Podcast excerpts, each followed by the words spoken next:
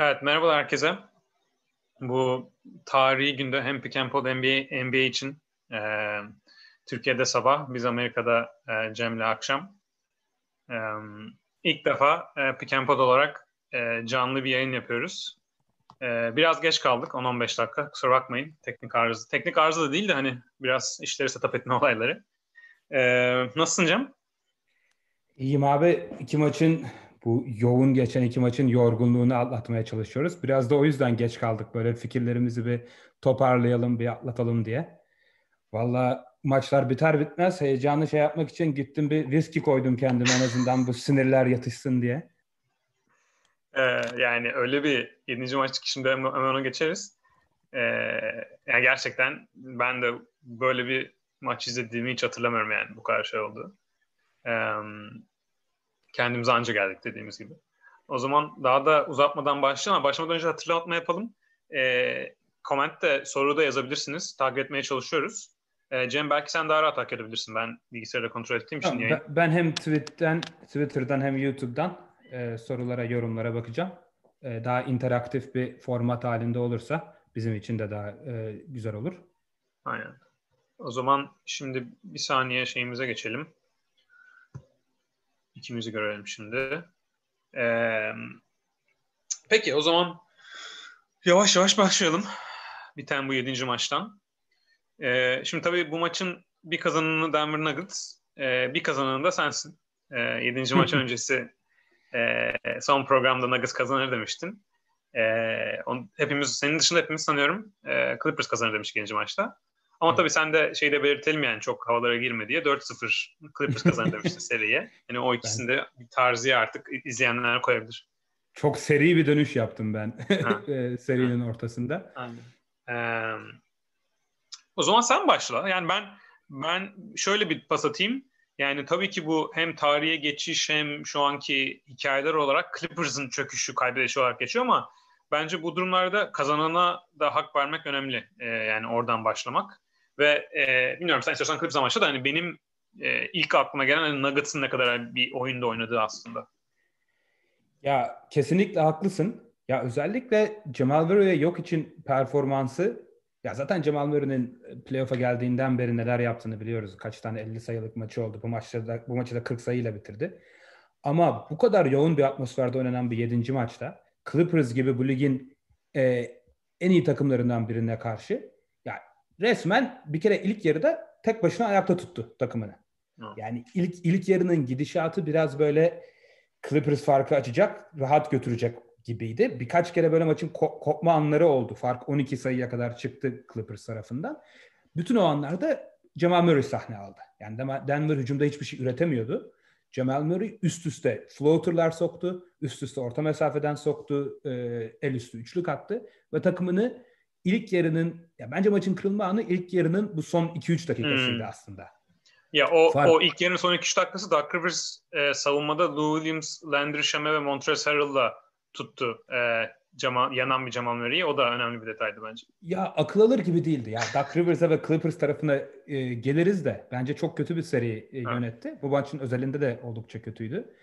Yani 12 sayı fark 2 sayıya kadar indi ilk yarının sonunda ve Denver'a zaten maçın başında sahip oldukları o özgüveni ve biz bu maçı kazanabiliriz, biz bu seriyi kazanabiliriz şeyini yarattı, e, havasını yarattı Nuggets'ta. Orada Cemal Murray'nin e, katkısı yatsınamaz. Jokic, Jokic tarafında da beni daha çok etkileyen kısım savunma tarafı oldu Jokic'in. Hmm. Oldukça iyiydi. Pota altını e, iyi savundu. E, birkaç pozisyonda birebir de e, Kava'yı ve Paul George'u durdurduğu pozisyonlar olduğunu gördük. Bence en kritik konu Denver özelinde de, e, Clippers maçın başından beri Jamal Murray ve Jokic'e e, çok double e, gönderdiler. No.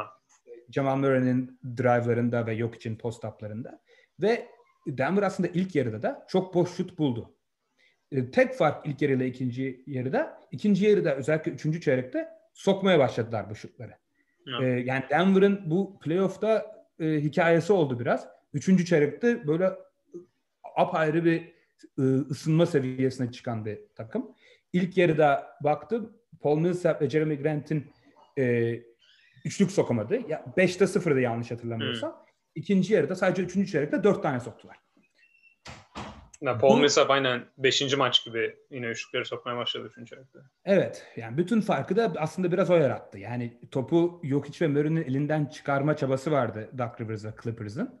Bunda rol oyuncularının şutu sokup sokmaması çok kritikti. Sokmaya başladıkları anda Denver'ın e, maçta kontrolü eline aldığını gördük. Sen de istiyorsan biraz daha Denver'dan ziyade biraz daha Clippers'a yoğunlaşabilirsin istiyorsan. Hani ha. Kawhi ve Paul George'un çok zorlandığını gördük. E, Paul George 16'da 4, e, Kawhi'da 22'de 6 attılar. Son çeyrekte de ikisinden de e, sıfır sayı geldi. Bunu nasıl yorumluyorsun? Bu yani ikisinin kötü performansı mıydı yoksa Denver'ın savunmada yaptığı ekstra bir e, şey mi vardı? Ha. E, aynen tamam. Clippers tarafına geçeyim ben de. E, bir geçmeden şeyi de yansıtayım e, istatistiklerini. E, maçımız evet e, 112 ah şey yanlış yazmışız. 112 102 e, skor yanlış evet. olmuş onu düzelteyim. e, tamam o zaman direkt böyle konuşalım. hızlı hızlı yapınca oluyor öyle şeyler. Aynen. Sıkıntı olmaz. E, şöyle geç hani geçerken e, bir ikinci yarı 5, 6, 7. maçtaki e, Clippers Nuggets performanslarını e, bir bahsederek geçebiliriz. 5. E, maç e, ikinci yarıda 67-49 skor Nuggets. 6. maç 64-35 Nuggets. 7. maç 50-33 Nuggets. Yani Clippers'ın attığı sayılar 49'dan 35'e, 35'ten 33'e düşüyor. E, özellikle bu 7. maçın son çeyreğinde Clippers e, bir buçuk dakika kala 8 sayı atmıştı. Çeyreğin zaten ilk 8 dakikasında yani 7 dakikasında sayı atamadı Clippers. Ee, yani sağ içi isabeti bulamadı. Ee, 11-12'de 0 başladı. Yani tabii bu bu performans tek bir e, faktörle açıklanabilecek bir şey değil. Yani sonuçta biz Clippers ne olursa olsun bu performansları ne olursa olsun şampiyonluk seviyesinde bir takımdan bahsediyoruz. O yüzden öyle bir takımın 7. maçın son çeyreğinde 8 sayı atması ilk 10 dakikasında yarıda 33 sayı atmasında bence bir sürü faktör birleşiyor. Yani bunların en önemlileri nasıl diye düşünebiliriz. Bence en önemli e, tarafı e, Paul George ve Kawhi Leonard'ın bireysel olarak hem form durumu hem bence maç ilerledikçe artan baskıda ve temposuzlukta oyuna bir türlü girememeleri e, hem bütün maç hem özellikle ikinci yarıda hem de e, Clippers'ın hücum ve savunmada taktiksel olarak da yanlışları. Yani burada e, Clippers özellikle hani çok bahsediyoruz. E, NBA'de bazı sistem takımları var. İşte Houston ve Bucks gibi. Clippers'da bunun tam tersi. Çok daha fazla e, Kawhi Leonard veya Paul George'un veya Lou Williams'ın bireysel yaratıcılığına bakan bir hücumları var. E, şöyle bir sıkıntısı oluyor en baştan. Bütün sezon hani bu ekmek peynir yeme olayı en kolay baskete gitme yolu Clippers'ın Lou Williams ve Montrezl Harrell pick roll'ü. E, şimdi playoff'larda bubble'a hiçbir türlü gireme, giremediği için Lou Williams ve Montrezl Harrell. Harrell gerçi bugün ilk yarı fena değildi ama genel olarak tempolarını bulamadıkları için bir kere Clippers'ın o atak şeyi gidiyor taktiksel olarak. Burada bir sıkıntı hani sezon boyu en azından bubble'da, playoff'larda bunun üstüne Kawhi ve Paul George üzerinden düzgün bir aksiyon geliştirememiş olmaları. Bu da yok. E, bu ikisi gidince iş neye kalıyor? E, topu getiriyor biri. Kawhi Leonard'ı köşede veriyor. Kawhi Leonard Aizo'dan sayı atacak. Atamazsa döndürecek e, Paul George şut kullanacak ve ikisi de bireysel olarak kullanamayınca e, normal e, Clippers hücumunun tabanı acayip düşmüş oluyor. Bunun üstüne e, Nuggets şöyle iyi savunma yaptı. E, Kawhi Leonard'a pick and roll geldiği zaman genelde double team getirdiler. E, o iyi bir hamleydi. E, onun dışında savunma aktiviteleri sen de söyledin Jokic'den başlayarak yüksekti. E, bence Jokic'in de bu şeyi gösterdiği bir maç oldu. Yani kendi eksikleri kediye de merhaba diyelim. E, kendi eksikleri eksiklikleri üzerine gitmeyince karşı takım yok için e, savunmada gayet yeterli performans gösterebiliyor. E, ama o eksikleri yani öne öne çıktığı zaman sıkıntı yaşıyor. E, şimdi Clippers'un bu söylediklerimin üstüne de son olarak şu bindi. yani bundan bahsediyorduk program açılmadan önce. İnanılmaz da yani ekstra tarihi seviyede bir şut kaçırma. Hani bu Houston'ın Golden State karşısında kaçırdığı üçlükler vardır ya. Onun gibi son çeyreğin başında Lou Williams bomboş turnike kaçırdı. Jamichael Green smaç kaçırdı. Paul George bir köşeden üçlük boş kaçırdı. İkinci üçlü panyaya çarptırıp gitti falan. Böyle saçma sapan bir duruma girdiler. Ee, hani hücumu özetleyecek olursa Clippers'da öyle. Savunmada da bence daha taktiksel hatalar vardı. o Jokic ve Murray e, tepe pick and hiçbir çözüm bulamadılar. Zaten Nuggets hücudunun, hücumunun bel kemiği e, Jamal Murray'in kendi şutunu yaratması. Tamam ona çok fazla şey yapamıyorsunuz belki. Ama yok için bu short roll'da kısa devrilip faal çizgisine gelip oradan durmadan pas atması sağa sola. Yani üçüncü çeyrek zaten patlayan olay oydu. Ve Clippers ona hiçbir türlü çözüm bulamadı. Yani hücum ve savunmayı e, öyle özetleyebilirim ikisi olarak. Tabii buradaki önemli soru yani sen mesela şöyle atayım sana pası. Yani Clippers'ın bu kadar tıkanmasını e, eski maçlarına gelen bir şeydi bu. Hani özetlediğimiz gibi 5. 6. maçtan. Ama Clippers'ın bu kadar tıkanmasını bireysel anlamda da e, senin bağlayabileceğin bir durum var mı? Yani biz hani şey yapmayı sevmiyoruz çok. İşte mental böyle baskı hani o, o çok bilmesi zor. Benim kafamda olan bir şey biraz Bucks'ta da oldu bu. E, normalde kazanması gereken beklenen takımlar şu anda kötü performans gösterince o şey ortamında, e, bubble ortamında hani etrafta kimse yok. Sadece 5-10 aileden insan var. Böyle bir cimdesin, oynuyorsun. Onun bir sessizliği ve yankılanışı bana daha da fazla geliyor gibi. Oradan bir kitlenme e, gördüğüm gibi geldi bana. Evet haklısın. Yani mental ve psikolojik kısmında biraz e, zayıf kaldığını gördük gibi oldu Clippers'ın sanki. Yani çünkü iki maç üst üste 15 sayı üstü farktan geri dönülünce bu maçta da 12 sayı öne fırladı Clippers sanki Nuggets böyle farkı kapatmaya başladığında Clippers'da böyle bir stres ve gerginlik başladı gibi geldi bana. Ee, yani çünkü yani Lou Williams iki tane o kadar rahat turnike kaçırdı ki dediğin gibi. Jamal Green smaç kaçırdı. Yani o kadar basit hatalar yaptılar ki yani biraz da yani şanssızlığa da bağlanabilir ama yani sanki bu gergin anları biraz kaldıramayan kaldıramama durumu oldu gibime geliyor. Çünkü bunu yok hiç 6. maçtan sonraki röportajında bahsetmişti. Yani Denver üzerlerinde hiçbir beklenti ve baskı olmadığı için çok daha rahat oynayabildi. Yok hiç normal standardını üzerine bile çıkabildi Cemal Murray'de. Çok ekstra maç oynadılar. Clippers'da yani normal standartını bırak vasat altına yaklaşan bir isim bile olmadı. Ha. Hmm, sanki o baskının beklentinin altında biraz ezildiler gibime geldi. Yani Clippers'ın franchise olarak da tarihinde de bu tarz mağlubiyetler e, alışık oldukları için belki öyle bir beklenti ve baskı da oluşmuş olabilir. E, meşhur 2015'te Houston'a yine 3-1'den kaybettikleri e, seri var buna benzer. E, ben de sana topu şöyle geri atacağım. Hatta Twitter'dan bir e, soru alarak. Twitter'dan Efe yazmış ki ve bunu birkaç yerde de gördüm. Clippers'daki umursamazlıkla alakalı. Yani ha. Clippers'ın çok ciddiye almadığı, Darülande'de geçirdiği. E, Efe bu umursamazlık problemini seneye çözebilir mi? Yani bunu çözmesi için hangi oyuncular gitmeli gibi yazmış ama hani o daha uzun bir e, tartışma olur. Ama sen böyle bir şey gördün mü? Belki 5. 6. maçta daha fazla görülmüş. Ha. Görüldüyse hangi oyuncular özelinde böyle düşünüyorsun? Ha. Ya şöyle şöyle hani üç tane ayrı faktör var e, kafamda bu konuda. Birincisi sezon başından beri bahsettiğimiz Clippers e, şampiyon olmuş ve Rölanti'de oynayan bir takım gibi oynuyor bütün sezondur. Hani bundan bahsediyorduk. Ben bunun playofflarda aşılacağını Leonard özelinden düşünüyordum. E, bu olmadı tabii ki. Tam tersi oldu. Tam şey gibi mesela şey bana biraz şey hatırlattı bu. Hani çok farklı bir seriydi ama Lakers'ın 2011'de Dallas'a hani süpürüp elenmesi ve o maçın sonunda Lakers'ın hani e, e, çaresizliği hatta böyle şeyin Andrew Bynum'un J.J. Barre'yi fırlattığı falan pozisyon vardır. Hı hı. E, onun gibi Clippers çaresiz kaldı ama normalde bu şey takımlara karşı olur. Çok tecrübeli, çok şampiyonluk yaşamış, artık düşüşüne geçmiş.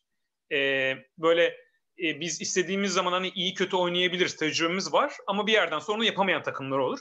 Clippers bütün sezon o, o modda gitti ama işler sıkıştığı zaman yaslanabilecekleri bir birlikte kazandıkları başarı, atlattıkları bir başarısızlık ve o tecrübeleri hem takım halinde yok hem bireysel halde de e, Kawhi dışında fazla yok.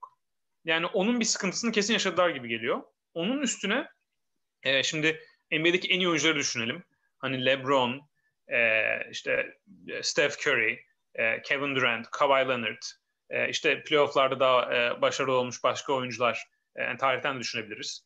E, Kawhi bunların arasında e, kendi kişisel azim ve kazanma hırsını takım arkadaşlarına en az aşılayan oyuncular arasında. Yani bu da onun bir yani çok zayıflı demek istemiyorum. Karakteri öyle adamın. Hani zaten sağda da görebiliyorsunuz, sağ dışına görebiliyorsunuz. Böyle bir çekip toparlayan bir adam mesela e, mesela Tim Duncan da sessizdir aslında yani medya çıkışları, medya konuşmaları açısından ama Tim Duncan'ın nasıl kenetleyici ve yükseltici bir lider olduğu takım arkadaşları arasında bilinir. Kawhi Leonard'ın öyle bir kişisel tarafı yok. O yüzden bence o e, hani onun playoff tecrübesini takıma yansıtmamasında orada bir sıkıntı da olmuş olabilir diye düşünüyorum. Son olarak da e, tabii ki burada koç, koçluk ekibi de çok önemli. Ve burada tecrübeli koçlar var. Doug Rivers var, Tyron Lue var, Sam Cassell gibi şampiyonluk yaşamışlar bir oyuncu var orada. Ama şöyle bir sıkıntı var. Orada biraz da Clippers'ın tarihi Doug Rivers özelinden etkilemiş olabilir gibi geliyor. E, bu soru konuşuluyor işte. Clippers 49 senedir e, konferans finaline kalamıyor. All time konferans finaline kalma maçlarında 0-7'ler. Nasıl olacaklar? Ben yani çok emin değilim onun bir etkisi olup olmayacağını ama bence oyunculara pek etkisi olmamıştır. Ama e, Doug Rivers o e, Clippers'ın Houston'a kaybettiği serilerde de koçtu. Zamanında Orlando'nun 3-1 öne geçip kaybettiği bir Pistons serisi vardır. E, 2003 yılı olması lazım. Orada da Doug Rivers koçtu.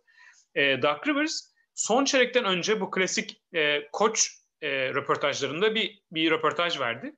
Ve vücut dili öyle bir şeydi ki yani böyle yarım adım bence gitmeye çalışıyor. Soruya cevap vermeye çalışıyor ve yüzünden o tedirginlik anlaşılıyordu. Yani bu şey gibi değil. Çok Mesela, gergindi. Ben de e, ev arkadaşımla iz, izlerken aynı yorumu yaptık. Yani acayip böyle sinirli, gergin. Böyle takım böyle sanki maç kend, onun kontrolünden çıkmış gibi gözüküyordu sanki. Aynen.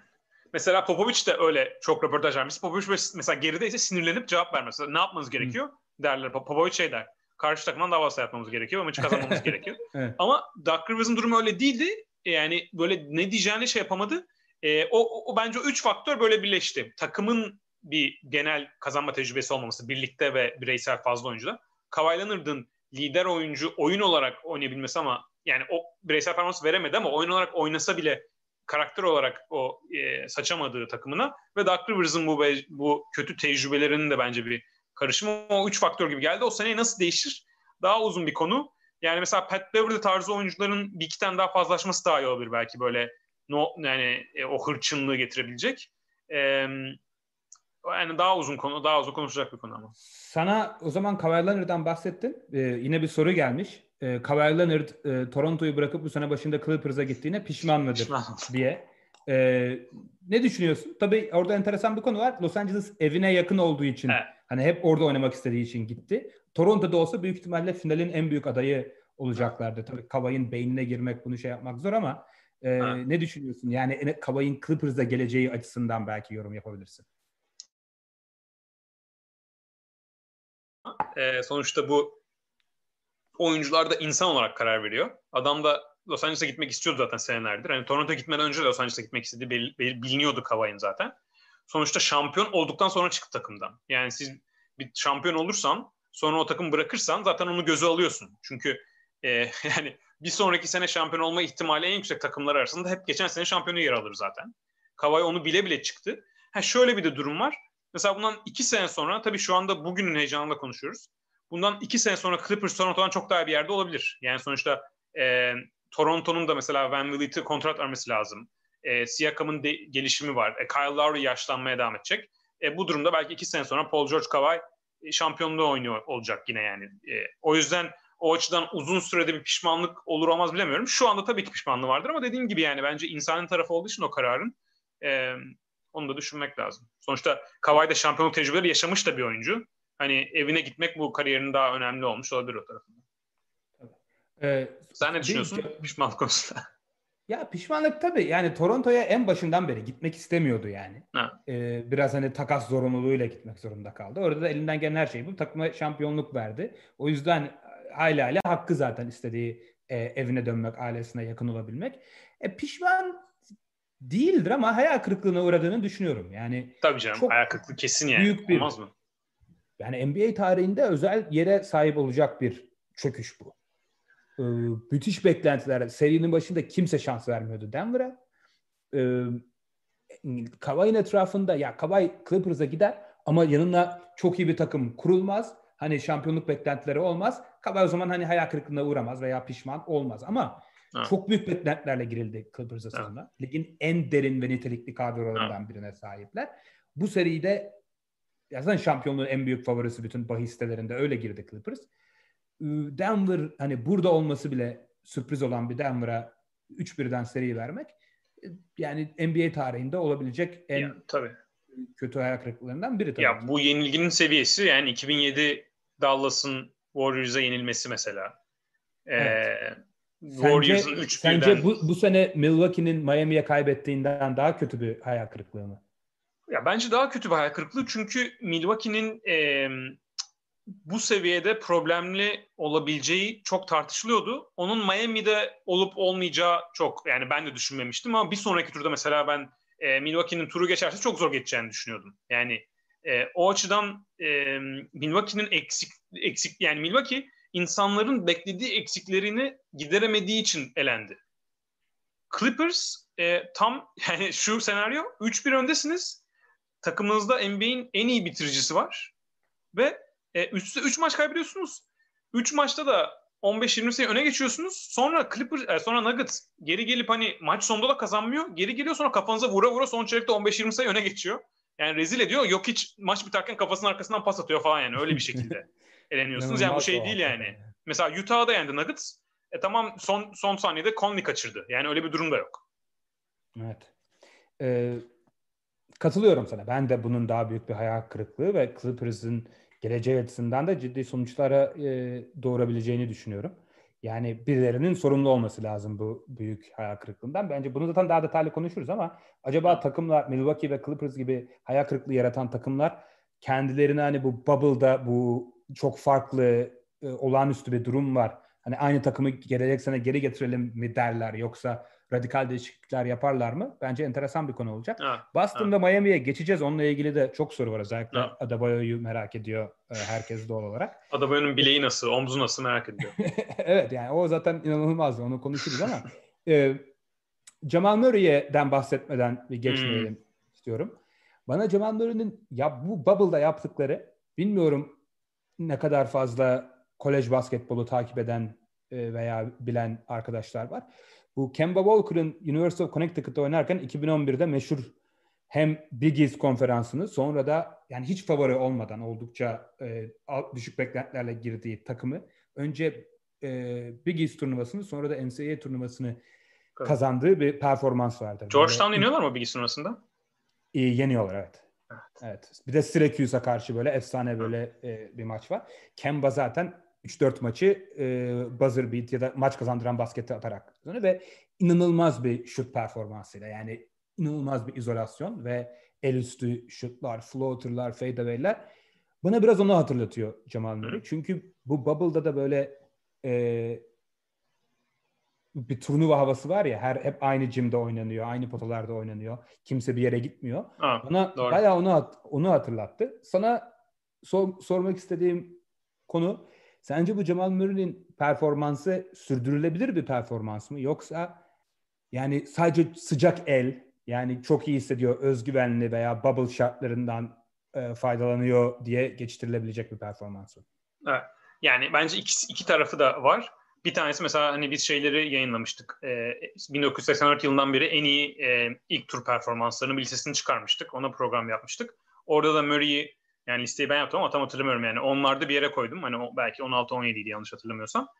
O kadar iyi bir performans vermesi ilk turda tabii ki sıcak elle bir ilişkisi var. Sonuçta Jamal Murray o seviyede oynayacaksa seneye e, MVP kazanır sonra Nuggets şampiyon olur yani. O seviyede devam edecek işi zor biraz. Ama hem o serideki performansı hem bu seriye bunun e, benzer versiyon yani her maçı oynamadı bu seride ama mesela bu maç özelinde e, gösterdiği performans ve onun üstüne e, bence maç sonrası yaptığı açıklama ve kendi taşıması da olgunlaştığını da gösteriyor. Mesela bu maç sonu röportajında bütün röportaj Jokic konuştu. Jokic bir ara şey falan oldu. Murray işte sen de konuşmak ister misin falan diye. Murray tamamen şeyde yani kazanmanın sevinci ve hiç böyle bir egosunu öne koyan bir tarafı da pek yoktu. İşte e, Nuggets Jazzy yendikten sonra gitti Mitchell'a tebrik etti, sarıldı falan. Yani o kareler de önemli bence genç bir oyuncunun gelişimi için. E, çünkü Murray'nin e, gelişiminde yani kötü bir hiçbir zaman haber çıkmadı yani. Ama böyle çok acayip de yıllarının üstünde olgun bir oyuncu olduğu falan da bahsedilmiyordu. Bence o, o şekilde olgunlaşması da iyi. Oyun olarak da e, bu sezon bence savunmasını da iyi iyi seviyeye getirdi demeyeceğim ama savunmasını da geliştirdi önceki senelere göre. Onun üstüne de zaten Murray'i özel kılan e, yapabildiği becerisi e, dribbling üstünden e, şut atabilmesi. NBA ilk geldiğinde bu kadar e, patlama yapması beklenen şey de aslında bu özelliğiydi. Bunu e, ilk 2-3 senesinde üçlünün gerisinden çok yüzdeli ve e, sürekli şekilde fazla yapamadı. Ama bu playofflarda yapıyor ve bence bu playofflarda yapıyor olması gelecek sezon için olabilecek en iyi belirti. Ne kadar taşıyacak konusunda tek e, kafamdaki kuşku geçen sene de çok iyi playoff e, performansı vardı. Blazers karşısındaki son maçı kötü oynadı ama oraya gelene kadar çok iyi performansı vardı. Bu sezon o, o perdeden açamadı. Ama bence bunu üst üste yapıyor olması, bu, bu playofflarda bir kere daha yapıyor olması, Clippers gibi bir takıma karşı yapıyor olması e, çok iyi bir gösterge. Ben o yüzden seneye All-NBA seviyesinde e, devam edebileceğini düşünüyorum açıkçası. Sen sen nasıl düşünüyorsun bu konuda? Ben de benzer düşünüyorum. Maçtan sonra yani bu 40 sayılık performans düşününce hani ligde böyle eli ısınınca ayrı bir seviyeye çıkan starlar vardır ya işte Dame Lillard, Steph Curry, Klay Thompson, Durant. Aklıma gelmeyen mutlaka bir iki isim daha vardır. Yani onların seviyesine geldi diyebilirim. Tabii ki oyuncu olarak onlar seviyesinde diyemem. Daha uzun süreli yapması lazım ama e, en azından hücum kısmında ve şut üretme ve yaratıcılık konusunda onlara çok yakın bir seviyeye geldi ve geç, yani bu senenin başında başladığı yerle şu anki durduğu yeri karşılaştırdığımızda müthiş takdire şayan bir e, gelişim e, örneği gerçekten. Denver'ın böyle playofflar başlarken işte tavanı sınırlı, Murray Jokic üzerinden nereye kadar gidebilirler vesaire gelecek içinde tartışılırdı. Şimdi belki de bu algıyı tamamen değiştirdi ve ligde geleceği en parlak 3-4 takımdan biri gibi gözüküyor Denver. Ee, hem Murray hem Jokic bu gelişimini sürdürürse önümüzdeki yıllarda şampiyonluğun da en ciddi adaylar arasında yer alacaklardır diyeyim. Lakers serisiyle ilgili çok soru geliyor. Onu e, bugün e, ilerleyen saatlerde ayrı bir program çekeceğiz hepimiz. Herkes tahminlerini ve uzun seri değerlendirmelerimizi yapacağız.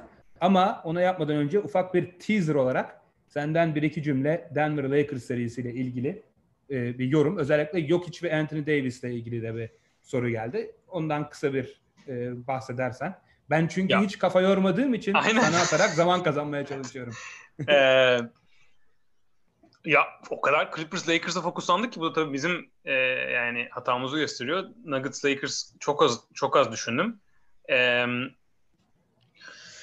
tabii ki Nuggets savunmasına e, Davis'le eşleşmek yani çok büyük bir sorun yaratacak. E, Jeremy Grant e, tutmaya çalışacak. Paul Millsap'in e, hüc- Paul Millsap'in hücumda sahada kalabilmesi çok önemli olacak. Çünkü Paul Millsap'in Anthony Davis'i e, tutmak açısından en iyi oyuncusu olabilir belki de. O yüzden hücumda o dış şutu ne kadar sokabilecek, ne kadar sahada kalabilecek e, Lakers'ın iyi savunması karşısında o önemli olacak bence. Çünkü tabii ki Jokic'i Anthony Davis'in önüne koymak istemezsiniz. Hem harcanır yani paramparça, yani paramparça demeyeyim de Davis çok rahat sayı bulur. Hem de Jokic yorulur. E, karşı tarafta Lakers'ın e, Davis 5'teyken Jokic karşısında e, Jokic'in şöyle bir farkı var. Bunu bugün e, Twitter'dan paylaştık. Bu sene playoff'larda e, çok daha fazla dışarıdan sayı buluyor. Zaten hani bu tabii ilk turda biraz Gober olmasına bağlı ama bu turda da e, normalde Jokic e, attığı şutların %50-60'ını pota altından denerken bu playofflarda %30'a düştü bu. O yüzden Anthony Davis o dışarıda tutmada bence iyi. Ama Jokic çok akıllı bir oyuncu. O üstüne Davis gelirse belki daha içeri girip oradan e, saldırmaya deneyebilir. O durumlarda Lakers'da uzayarak oraya çözüm bulabilme alternatifleri var açıkçası. E, Dwight Howard'ın ne kadar oynayabileceği e, önemli. Ama Lakers şu anda NBA'in belki de en iyi takım savunmasını yapıyor ya da en iyi 2-3 takım savunmasından birini yapıyor yani Celtics Heat'le birlikte. O yüzden bence e, Jokic şu an yani Clippers serisinde ondan çok zorlanacaktır. E, Murray ama bence sıkıntı yaratacak çünkü Lakers'ın böyle atik bir guard savunması e, Bradley'nin de sakatlığında çok yok. E, sen ne düşünüyorsun bu konuda? Ben sana geri atayım bombayı. Ee, sen konuşurken bir de bir saniye e, su alacağım böyle canlı yayında. Tamam sen al ben e, uzatırım merak etme. e, ben yani Denver beni gerçekten çok etkiledi bu Clippers serisinde. Yalan söyleyemeyeceğim. Özellikle hani süpürüleceklerini tahmin ettiğim bir takımın hani böyle 3 maçı da geriden gelerek böyle kazanması. Savunmaları özellikle beni çok etkileyici. Bakıyordum savunma istatistiklerine. Ee, yani Bubble'da ve Bubble'dan önceki dönemde ligin e, en kötü 5 savunma takımından biriydi Denver.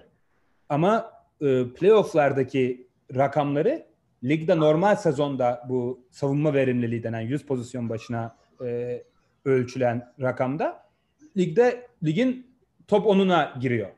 Yani savunmalarında müthiş bir e, yükseliş var playofflarla beraber. Bunu da tabii Gary Harris'in dönüşüne bağlayabiliriz. Ama yok hiç özelinde de ciddi bir gelişme olduğunu görebiliyoruz. Ben Lakers'da kötü eşleştiklerini düşünmüyorum. E, aslında çok benzer takımlar. E, Lakers'da LeBron AD ikili oyunları üzerinden rol oyuncularının boş şut sokup sokmamasıyla kendini e, betimleyen bir takım. Denver Nuggets'ta Murray yok için ikili oyunları dışında onlara özel önlem aldığınızda istikrarsız şütörleri ve dış atıcıları sebebiyle ha, doğru. Günden güne hücum performansları değişkenlik gösterebilen bir takım. Lakers da öyle. Yani Houston serisinde de bunu gördük. Portland serisinde de gördük. E, şutları girmediği anda hücumların hücumda yeteri kadar üretmekte zorlanıyor Lakers. Denver'da aslında buna benzer dönemler yani ısındıkları zaman çok ayrı bir seviyeye çıkabiliyorlar. Ama bugün mesela Clippers maçın ilk yarısında gördüğümüz gibi eğer Gary Harris, Millsap ve Jeremy Grant 0 üçlük atarlarsa bu, bugün ilk yarıda olduğu gibi e, Lakers gibi bir savunmaya karşı çok zorlanacaklardır. Evet. O yüzden biraz rol oyuncularının hücum performansları üzerinden belirlenecek gibi evet. düşünüyorum. Çünkü LeBron'u savunacak isimleri tabii ligde kimse LeBron'u durduramıyor ama en azından yavaşlatabilecek e, Jeremy Grant, Millsap, e, Torrey Craig, Craig gibi isimleri var Denver'ın. Evet doğru. E, Tamam daha da uzatmayalım zaten. Daha bunu program çekeceğiz değil mi? E, konferans evet o yüzden ben e, programı Lakers'ın kısalması, Lakers'ın kısalması çok kritik olacak. Ondan bahsederiz yani. Şu anda daha da düşünüp e, orada da yok. Çünkü eşleşmesi zor olacak Nuggets'ın biraz. Yok hiç kimi tutacak ona bakacağız. Evet bence e, chatte Adebayo Adebayo diye e, tamam Adebayo'ya geçelim o zaman. istedikleri şeyi vermenin zamanı geldi. E, tamam o zaman e, birinci maça geçelim. Boston Celtics Miami Heat arasında bu sefer skoru doğru yazmış mıyız? Miami Heat kazandı 117-114 e, uzatmalarda. Güzel doğru yazmışız. Ee, şeyi e, soldaki istatistikler yanlış olmuş ya. Onu bir o Bubble'daki diğer maçın rakamları. onu onu şu an sil istiyorsan. Tamam çıkar. Ee, Adebayo'nun ee, bu 18 serbest atış attığı Ha okey okey tamam ee, tamam. Yani, tamam çok hızlı, o zaman. Çok hızlı şey yaptığımız için program öncesi. E, çünkü istatistik sitelerinde de e, çok şey olmuyor. Update olmuyor aynı. Updated olmuyor. Tamam o zaman böyle o konuşuruz zaten ona gerek yok. Ee, tamam o zaman birinci maç aslında ilk yarısı gayet bence ilginç bir maçtı. E, çünkü e, İlk çeyreğe Celtics çok etkili başladı. E, ikinci çeyreğe de Heat e, tamamen yani 180 derece yakın bir dönüşle. Ve bence ilk yarıda bu serinin yani paros demeyeceğim ama seride öne çıkacak bir sürü şey e, kendini belli etti ilk yarıda. E, Celtics ilk, çeyrekte Miami Heat'in e, topsuz hareketleri yüzünden sayı bulmasının e, bir şekilde önüne geçti. Yani burada Miami'nin de biraz topu ezmesinin etkisi vardı. Celtics savunmasının da etkisi vardı ve Miami hücumu çok fazla e, dribbling üstünden bir şeyler yaratmaya ve o alışık olduğumuz Adebayo'nun etrafından dönen oyuncuların topsuz katlarından e, canlanan e, hücumu yakalayamadı Miami. Öyle olunca da e, karşı karşıya böyle izolasyondan kim sayı atacak? İzolasyon olmasa bile pick and roll varyasyonları, e, dribbling üstünden sayılarda kim daha iyi sayı atacak? Öyle bir seviyeye gelince seri zaten Celtics direkt öne geçiyor. Yani Jason Tatum, Kemba Walker, e, Jalen Brown üzerinden. E, bir de tabii ki ilk çeyreğin asıl yıldızı e, Marcus Smart üzerinden. E, Marcus Smart sanıyorum ilk zaten 2-3 şutunu atarak başladı. İlk çeyrek 11 dakikada 8 şut kullandı. E, böyle hatta ben şeyde bir tweet attım ara One Way for Andran. One Way for hatırlayan varsa burada e, oyuna girdiği her dakika e, şut deneyen bir oyuncuydu. Kara deliklerden meşhur. Aynen. e, ilk yarıda o iki iş birbirini dengeledi. Sonra maçı nasıl yani e, kızıştı. E, ikinci yarı. E, üçüncü çeyrek aslında bence biraz daha dengelendi. E, Ha bir de ilk yarı şeyi de belirteyim. Dragic çok iyi başladı Miami tarafında. Yani bir tarafta Marcus Smart sayı buluyordu. O zaman da Miami'nin oyundan kopmamasında Dragic çok etkiliydi. Dragic'in deliciliğinin önüne pek geçemedi Celtics ilk yarıda. Zaten Dragic ilk yarıda sanıyorum 16 sayı, 16 ve 18 sayı olması lazım. Çok iyi performans gösterdi. E, ikinci yarıda işler biraz daha dengelendi. Özellikle üçüncü yarının başlarında çok daha fazla iki takımın da hani biraz daha maça alışıp birbirine alışıp sayı bulabildiklerini gördük. Sonra Celtics e, hafif öne geçti 3. yarının sonuna doğru. Ama maç sonunda e, Miami'ni yakalamaya başladı ve o çılgın maç sonuna geldik. E, maç sonunda direkt bence hani son pozisyonlardan başlayarak devam edilir. Zaten sorular da e, oradan geldi. E, akıllarda kalan en net pozisyon tabii ki Jason Tatum'un potaya drive edişi e, ve o drive'a e, Bam Adebayo'nun e, inanılmaz e, bloğu. E, yani şu anda görüntü veremiyoruz canlı olduğu için ama hani bloğu koyduktan sonra Jason Tatum adamını geçiyor. E, smaç, smaçlamaya giriyor içeri. E, Adebayo öyle blok koyuyor ki yani bileği bir fotoğrafı var zaten Twitter'da paylaşıldı. Yani bileği çemberiniz aslında böyle oluyor ve nasıl kırılmadı, nasıl omzu çıkmadı öyle bir pozisyon oluyor. Hem o pozisyon e, özelinde hem maç boyunca tabii bu Adebayo'nun savunma katkısını bence gayet iyi özetliyor. E, çünkü e, Boston özellikle ilk çeyrekten sonra Miami durdurmaya başladığı başladığı zaman e, Adebayo'nun e, burada yaptığı o pozisyonda yaptığı yapmış olduğu gibi e, getirdiği yardımlardan e, savunmayı iyileştirmesi çok büyük katkı verdi Miami'ye. Diğer tarafta o bloğun dışında da e, Kemba Walker mesela o cardiac Kemba anını yine yaşattı. Hani o e, önüne e, Miami Miami'de Tyler Hero'yu aldı. Ona bir driplingle e, fake atıp şunu gönderdi ki e, Kemba Walker aslında çok formsuz bir maç geçiriyor. Son formsuz, formsuz bir birkaç maç geçiriyor. Benim aklımda da şöyle bir soru da var. Kemba'nın dizi ne kadar sağlıklı ama emin olamıyorum. Çünkü bu maç e, Dragic bir önüne aldığı zaman birkaç kere geçemediği oldu. Çok bana çok rahat hareket ediyor gibi gelemedi ama maç sonunda Tyler Hero'yu e, avlamayı başardı. Diğer tarafta yine kötü bir maç geçiren Jimmy Butler maç sonunda o klasik sorumluluğunu aldı. Ve en sonunda hani bahsetmek istediğim e, Tyler Hero, e, Kaan, Kaan Korkut'un bize hatırlattığı gibi e, muhteşem bir e, maç geçirdi. E, triple double'a yakın bir performans verdi. Ve özellikle bu son çeyrekte herhalde 1-1,5 dakika kalmıştı. Bu Clay Thompson vari e, so, e, şut saatinde hala bir 18-19 saniye varken olduğu yerden gönderdiği üçlükle e, Miami'ye yaptığı katkı vardı. Hani maç sonunda e, şöyle özetleyeyim yani ilk çeyrek, ikinci çeyrek bir ta, iki takım e, iki takım yani ilk Celtic sonra Heat öne çıktı. Sonra e, ikinci yarı çok daha fazla denkleştikten sonra maç sonunda e, maç boyunca kötü oyuncu e, kötü oynayan ve iyi oynayan e, oyuncuların bir sürü farklısını sorumluluk alarak çok eğlenceli bir seviyeye getirdiğini gördük. Bence o açıdan çok özel bir maç oldu ve e, bu aslında serinin de bize ne kadar yakın geçeceğini göstermiş oldu. E, Adebayo'nun bloğu şöyle çok önemli. Seriyi bu kadar yakın geçeceği için o kadar net kazanmaya e, katkı yapan bir hareket yaptığınız zaman o serinin kaderini değiştirmeye yetecek kadar olabilir. Çünkü bu seriyi Miami mesela 7 maçta kazanırsa, 6 maçta kazanırsa orada Adebayo'nun tek bir pozisyondaki hareketi e, önemini gösterecek.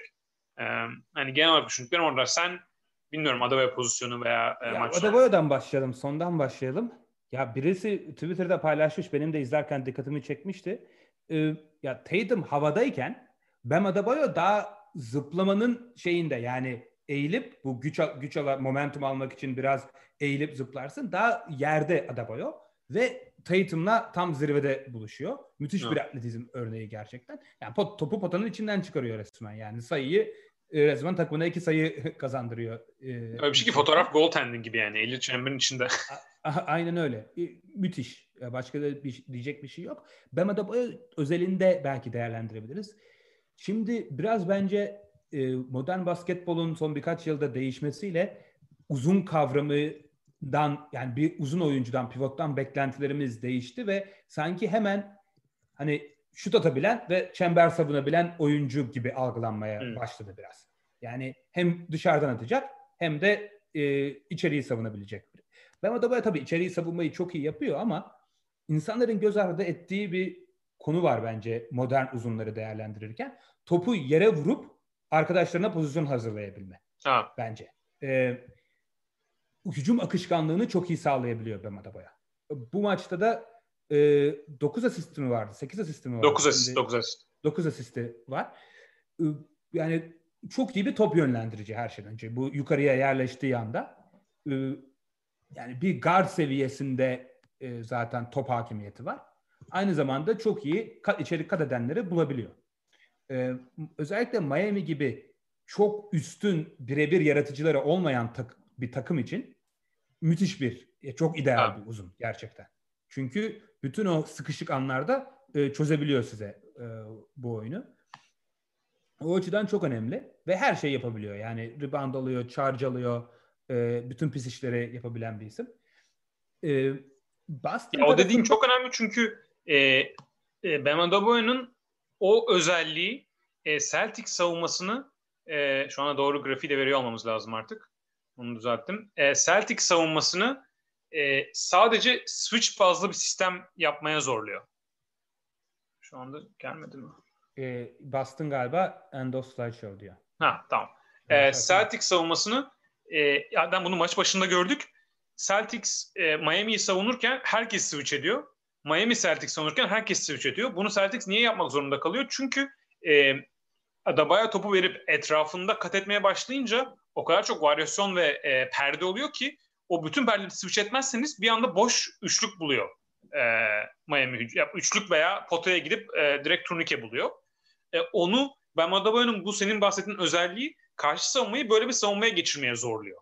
Öyle olduğu zaman tabii ki switch savunması yaptığınız zaman da onun da sıkıntıları e, oluşuyor. Mesela mismatchler oluşuyor. Yani ters eşleşmeler oluşuyor. Ondan mesela e, Jimmy Butler'ın birkaç kez Kemba üzerinden sayı bulduğunu görebildik. Yani Bam Adebayo'nun özelliği karşı savunmayı değiştiren bir özellik. Bence o açıdan çok önemli ki bunun daha böyle bir nükleer tarafında görmedik. E, Duncan Robinson'la oynadığı, üçlükler gönderdiği pozisyonlarda çok olmadı bu maç. İlerleyen maçlarda e, o da olabilir. Evet, özellikle normalde normal sezonda çok etkili kullandıkları Bam Adebayo, Duncan Robinson ikili oyunlarını göremedik. Çünkü Duncan Robinson hiç gününde değildi. Boston'ın da çok iyi e, perimetre savunmacılarından nefes alamadı Duncan Robinson. Hep biraz zorlama şutlar denedi. Tabii Spoelstra'dan da yeşil ışığı olduğu için hiç çekinmeden atabiliyor ama bugün girmeyince zaten son çeyrekte hiç onu oynatmayıp Tyler Hero'ya döndü. Tyler Hero da gününde olduğu için e, çok iyi bir performans sergiledi. Zaten onun özgüveni ve cesaretinden hep bahsettik. Yine e, çok etkiliydi. Benim açımdan enteresan bir durum Miami'nin yani bu e, playoff başından beri son çeyreklerdeki müthiş performansı. Jimmy Butler hmm. çok enteresan bir süperstar gerçekten. Hmm, belki diğer yani Jimmy Butler'ı nereye yazarsınız e, ligde? İlk 15 oyuncu arasında yani 10 ile 15 arasında bir yerdedir büyük ihtimalle. Hmm. İlk 15'teki oyuncular arasında belki de maça pozisyon pozisyon en az etki eden süperstar olabilir. Çünkü çok çok zaman e, arka planda kalıyor ve takım arkadaşlarını oynamasına izin veriyor. Hücumda tabii ki. Savunmada hala e, elit seviyeye yakın bir seviyede. E, ama her maçta da son çeyrekte istediği zaman sazı eline alabiliyor. Bu maçta da aynısı oldu. Neredeyse 3 çeyrek ya Jimmy Butler çok etkisiz. E, grupta da yazışıyorduk. Hiçbir şey yapmıyor vesaire dedik. Son çeyrekte yine saz, sazı eline aldı. Açıklaması zor bir durumda tabii ufak bir e, örnekleme. Çok e, sadece bu playofflarda oynadığı 10. maçtı Miami'nin. Ama yani normal sezonda %24 ile üçlük atıyordu Jimmy Butler. Maç başına 2.1 üçlük atıyordu. E, playofflarda %50'nin üzerinde atıyor. Yine maç başına 2.1 üçlük ha. deneyerek. E, yani tabii bu 22-23 üçlük çok yüksek bir rakam değil ama e, yani Jimmy Butler kariyeri boyunca hep bu tarz anlarda oyun seviyesini bir iki e, seviye üste çıkarabiliyor gerçekten. Özellikle e, mesela James Harden gibi isimlerin playofflarda normal sezondaki performansına erişemediğini görünce e, takımınızın yıldızının playofflarda sorumluluk almaktan kaçınmaması sanki size bir iki adım öne atıyor gibi düşünüyorum. Evet yani biraz şey gibi mesela bu e, hatta maçlar hani şey maçına geç girdik ya Clippers Denver maçına çünkü uzatmaya gitti. E, Korkut WhatsApp'tan şey yazmıştı. Ne kadar bir anda maçın şeyi düştü. E, gerginliği ve temposu ve e, isteği. Tabii bu sadece Jimmy Butler'da olan bir şey değil. Miami'nin takım kültürünü biliyoruz. Celtic de çok savaştı. Boston Celtics'te. Ama mesela o Clippers'da e, Kawhi'nin yanında Paul George değil Jimmy Butler olduğunu düşünün. Ya da Kawhi yerine Jimmy Butler olduğunu düşünün. Belki e, yani yine kaybedebilir Clippers o başka bir konu ama Jimmy Butler'ın hem kendi maça asılması hem de takım arkadaşlarına nasıl davranacağını düşünebiliriz yani öyle bir durumda. Böyle çileden çıkar. İşte belki ne bileyim son çeyrekte 8 10'da 8 de atabilir. 15'te 1 de atabilir ama onu yırtıp almaya çalışır. Yani öyle bir özelliği var. E, şut konusu gerçekten ilginç. Yani çünkü mesela ben de e, basketbol düşünürken çok fazla e, e, yani sadece istese bakmak lazım tabii ki ama istatistiklerden de yola çıkmak önemli bence veya oradan yardım almak. Jim Butler bu istatistikler trendleri acayip bozan bir oyuncu. Yani bu sezon atamadığı şut ve bir anda playofflarda atabildiği şut gerçekten çok fazla açıklaması e, olan bir şey değil. Çünkü genç bir oyuncu şutuna katan bir oyuncu değil yani. Hani e, Jim Butler'ın ne olduğu e, belli. Tabii şöyle bir şey var. E, şey diye değerlendirebiliriz. Bu sezonki normal sezonki şut performansı orada bir ekstrem bir kötü durum oldu. Yani Jim Butler'ın sonuçta kariyerinde de öyle bir şutör değil. Yani ortalamaya daha yakın, daha üstünde bazen olan bir e, bir şut, e, dribbling şutu var. Belki onun denkli olmuş olabilir. Ama o dediğin e, Jim Butler'ın yani takım arkadaşlarına yansıyan e, hırçınlığı çok önemli ve bunu e, hücumda hep topu eline almadan da yapması da çok önemli. Yani mesela Hı. maç bitti. Bam Adebayo hakkında ne düşünüyorsun diye sordular. İşte Bam'in bizim ruh, ruh, ruhsal, e, spiritual veya enerji hani liderimiz olması o pozisyon özetliyor zaten diye hemen Jim Butler söyledi. Ve hani onu da e, çok rahat söyleyebilecek bir oyuncu. Bana şöyle geliyor. Jim Butler olduğu ortamda kazanmayı böyle e, tırmalayarak isteyen insanlar varsa başka bir şey fark etmiyor ona. Mesela Minnesota'dayken çıldırıyordu çünkü Carl Anthony Towns Andrew Wiggins'le oynuyordu. Burada. Jim Butler için liderlik hani illaki o 30 sayı veya 20 şut kullanmak değil ama herkesin kazanmak istediği bir e, ortamda onun liderliğini yapmak. O kazanma isteyen liderliğini yapmak. Bence o onu. Zaten hani Minnesota hikayeleri de öyledir. İşte gidip bench oyuncularıyla antrenmana çıkıp ilk beşi yenmesi falan. Hani hep bunları zaten görebiliyorsunuz. Yani oradaki adamın adamın olayı ben 30 sayı atayım, Carl Anthony yeneyim değil ama onlara göstereyim kazanmak nasıl istenir. Ve Heat'te ortam bulduğu için bence çok rahat. Yani çok istediği yerde şu anda. Petral'de evet, bayılıyordur yani. Evet kesinlikle öyle. Yani e, tamamen iki, birisi birbirini bulmuş, cuk diye oturmuş bir e, ilişki. Miami Jimmy Butler ilişkisi.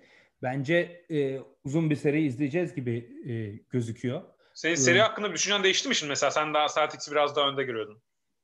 E, yani biraz çok değişmedi aslında. Yani ben şöyle Gordon Hayward tabii X faktör bundan bahsettik. Özellikle bu maç Brad Wanamaker iyiydi ama yani Gordon Hayward'ın gelmesi en azından Semi Ojale'nin, Brad Wanamaker'ın, Grant Williams'ın dakikalarını alacak olması sebebiyle yani Gordon Hayward %100 dönmese bile öyle bir avantajı var. Her şeyden Tabii ziyade. bu maç gibi bir... Wanamaker'ın dakikası almak istemezsiniz. O da ayrı bir konu. Ondan da. Evet, bu, maç hayatının maçını oynadı belki. 5 tane top çaldı. Yanlış hatırlıyorum. Yazıyor. 5 top çalması var diye.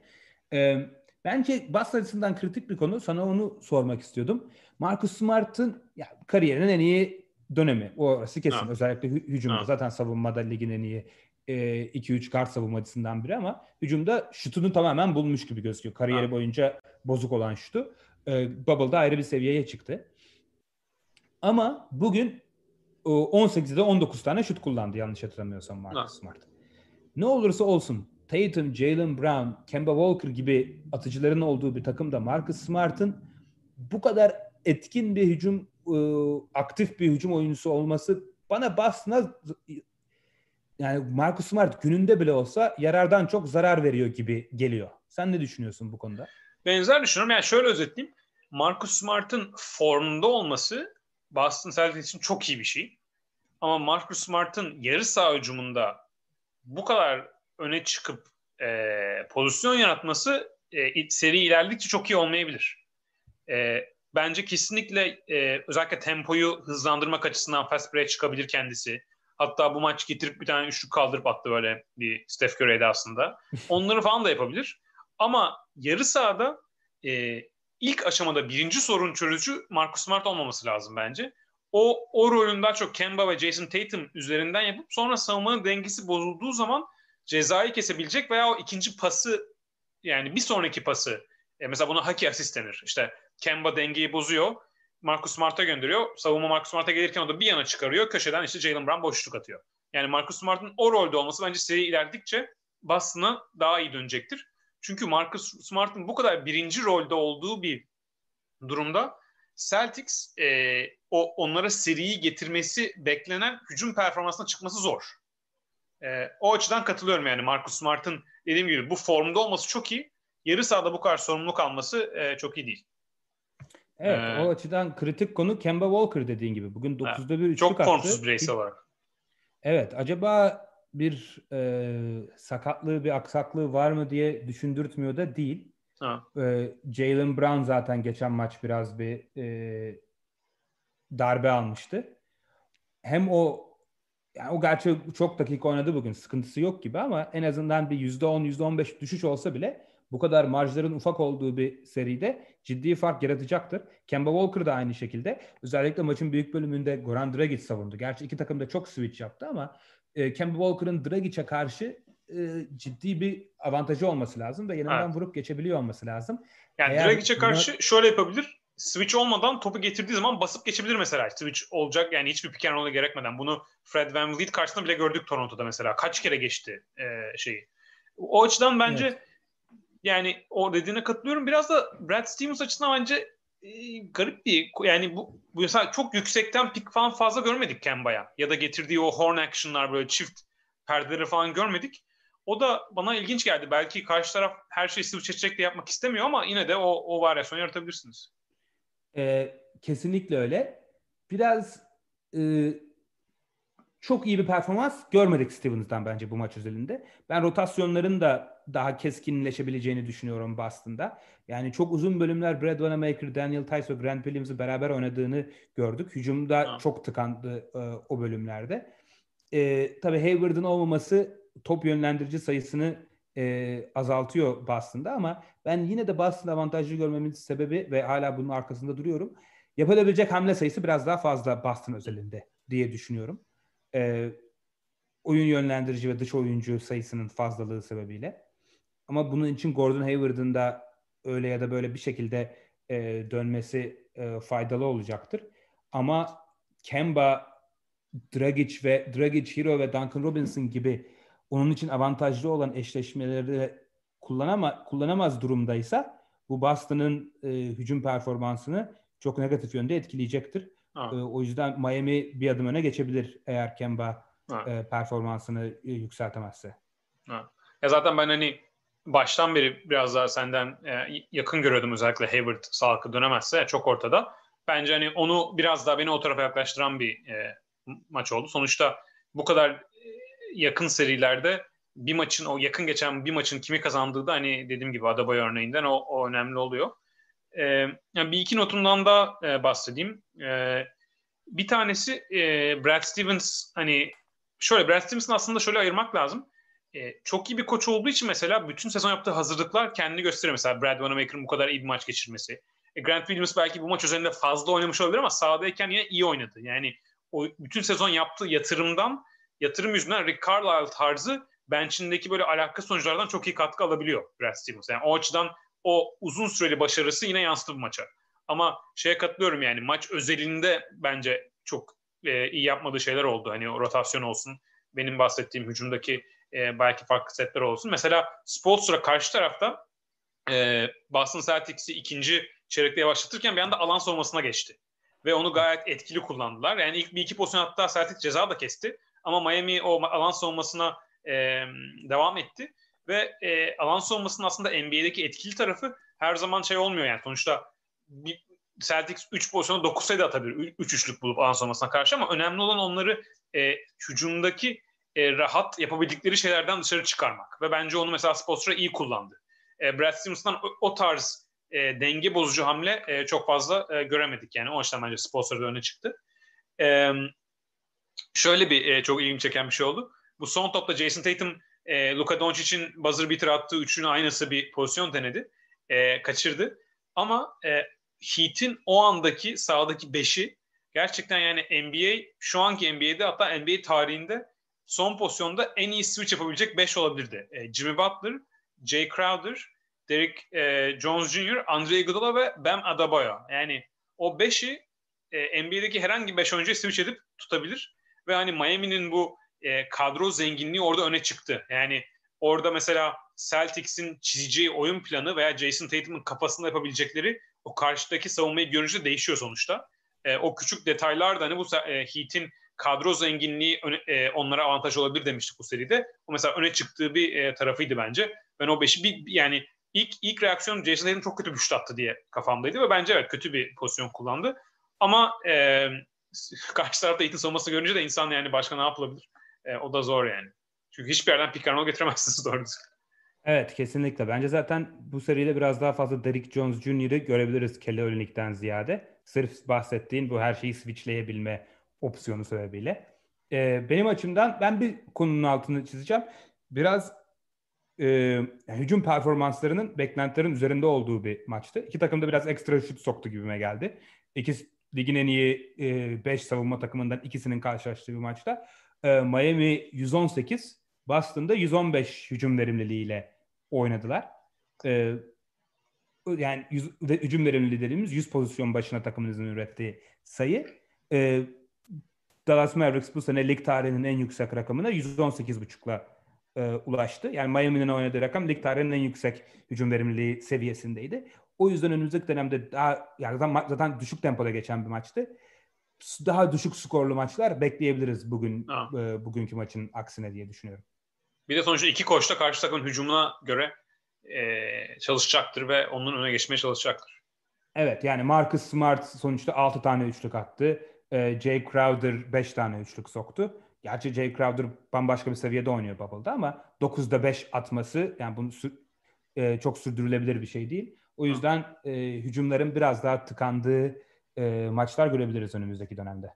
Ha. Başka ekleyeceğim bir şey var mı? E, bence yeterince e, uzun ve e, verimli bir e, tartışma yaptık. Zaten bahsettiğimiz gibi bugün e, ayrı bir Los Angeles Lakers Denver Nuggets e, serisinin değerlendirmesini yapacağız. E, o da e, YouTube hesabımıza e, olacaktır e, en geç yarın itibariyle. E, zaten her maçtan sonra ya da iki maçtan sonra bir e, program hatta e, canlı yayınlarımıza da devam etmeyi düşünüyoruz. Aynen öyle. O zaman ilk canlı yayınımızın e, sonuna geldik. E, evet. Tabii ki beklenildiği gibi e, çok da hata da oldu canlı yayında. Paylaşılan slaytlar özelinde olsun, ilk girişte olsun. Artık ne diyelim, Dark Rivers kadar hata yapmamak e, umuduyla e, devam ediyoruz. Aynen öyle. İleriki dönemde Mike Malone seviyesine çıkmak istiyoruz inşallah. Evet, sonra herkese bir iki sorular... artık Brad Stevens. İnşallah. Herkesi soruları ve yorumları için e, teşekkür ediyoruz ve izlediğiniz için de e, teşekkür ediyoruz. E, bir sonraki yayında görüşmek üzere. Çok teşekkürler. Görüşmek üzere.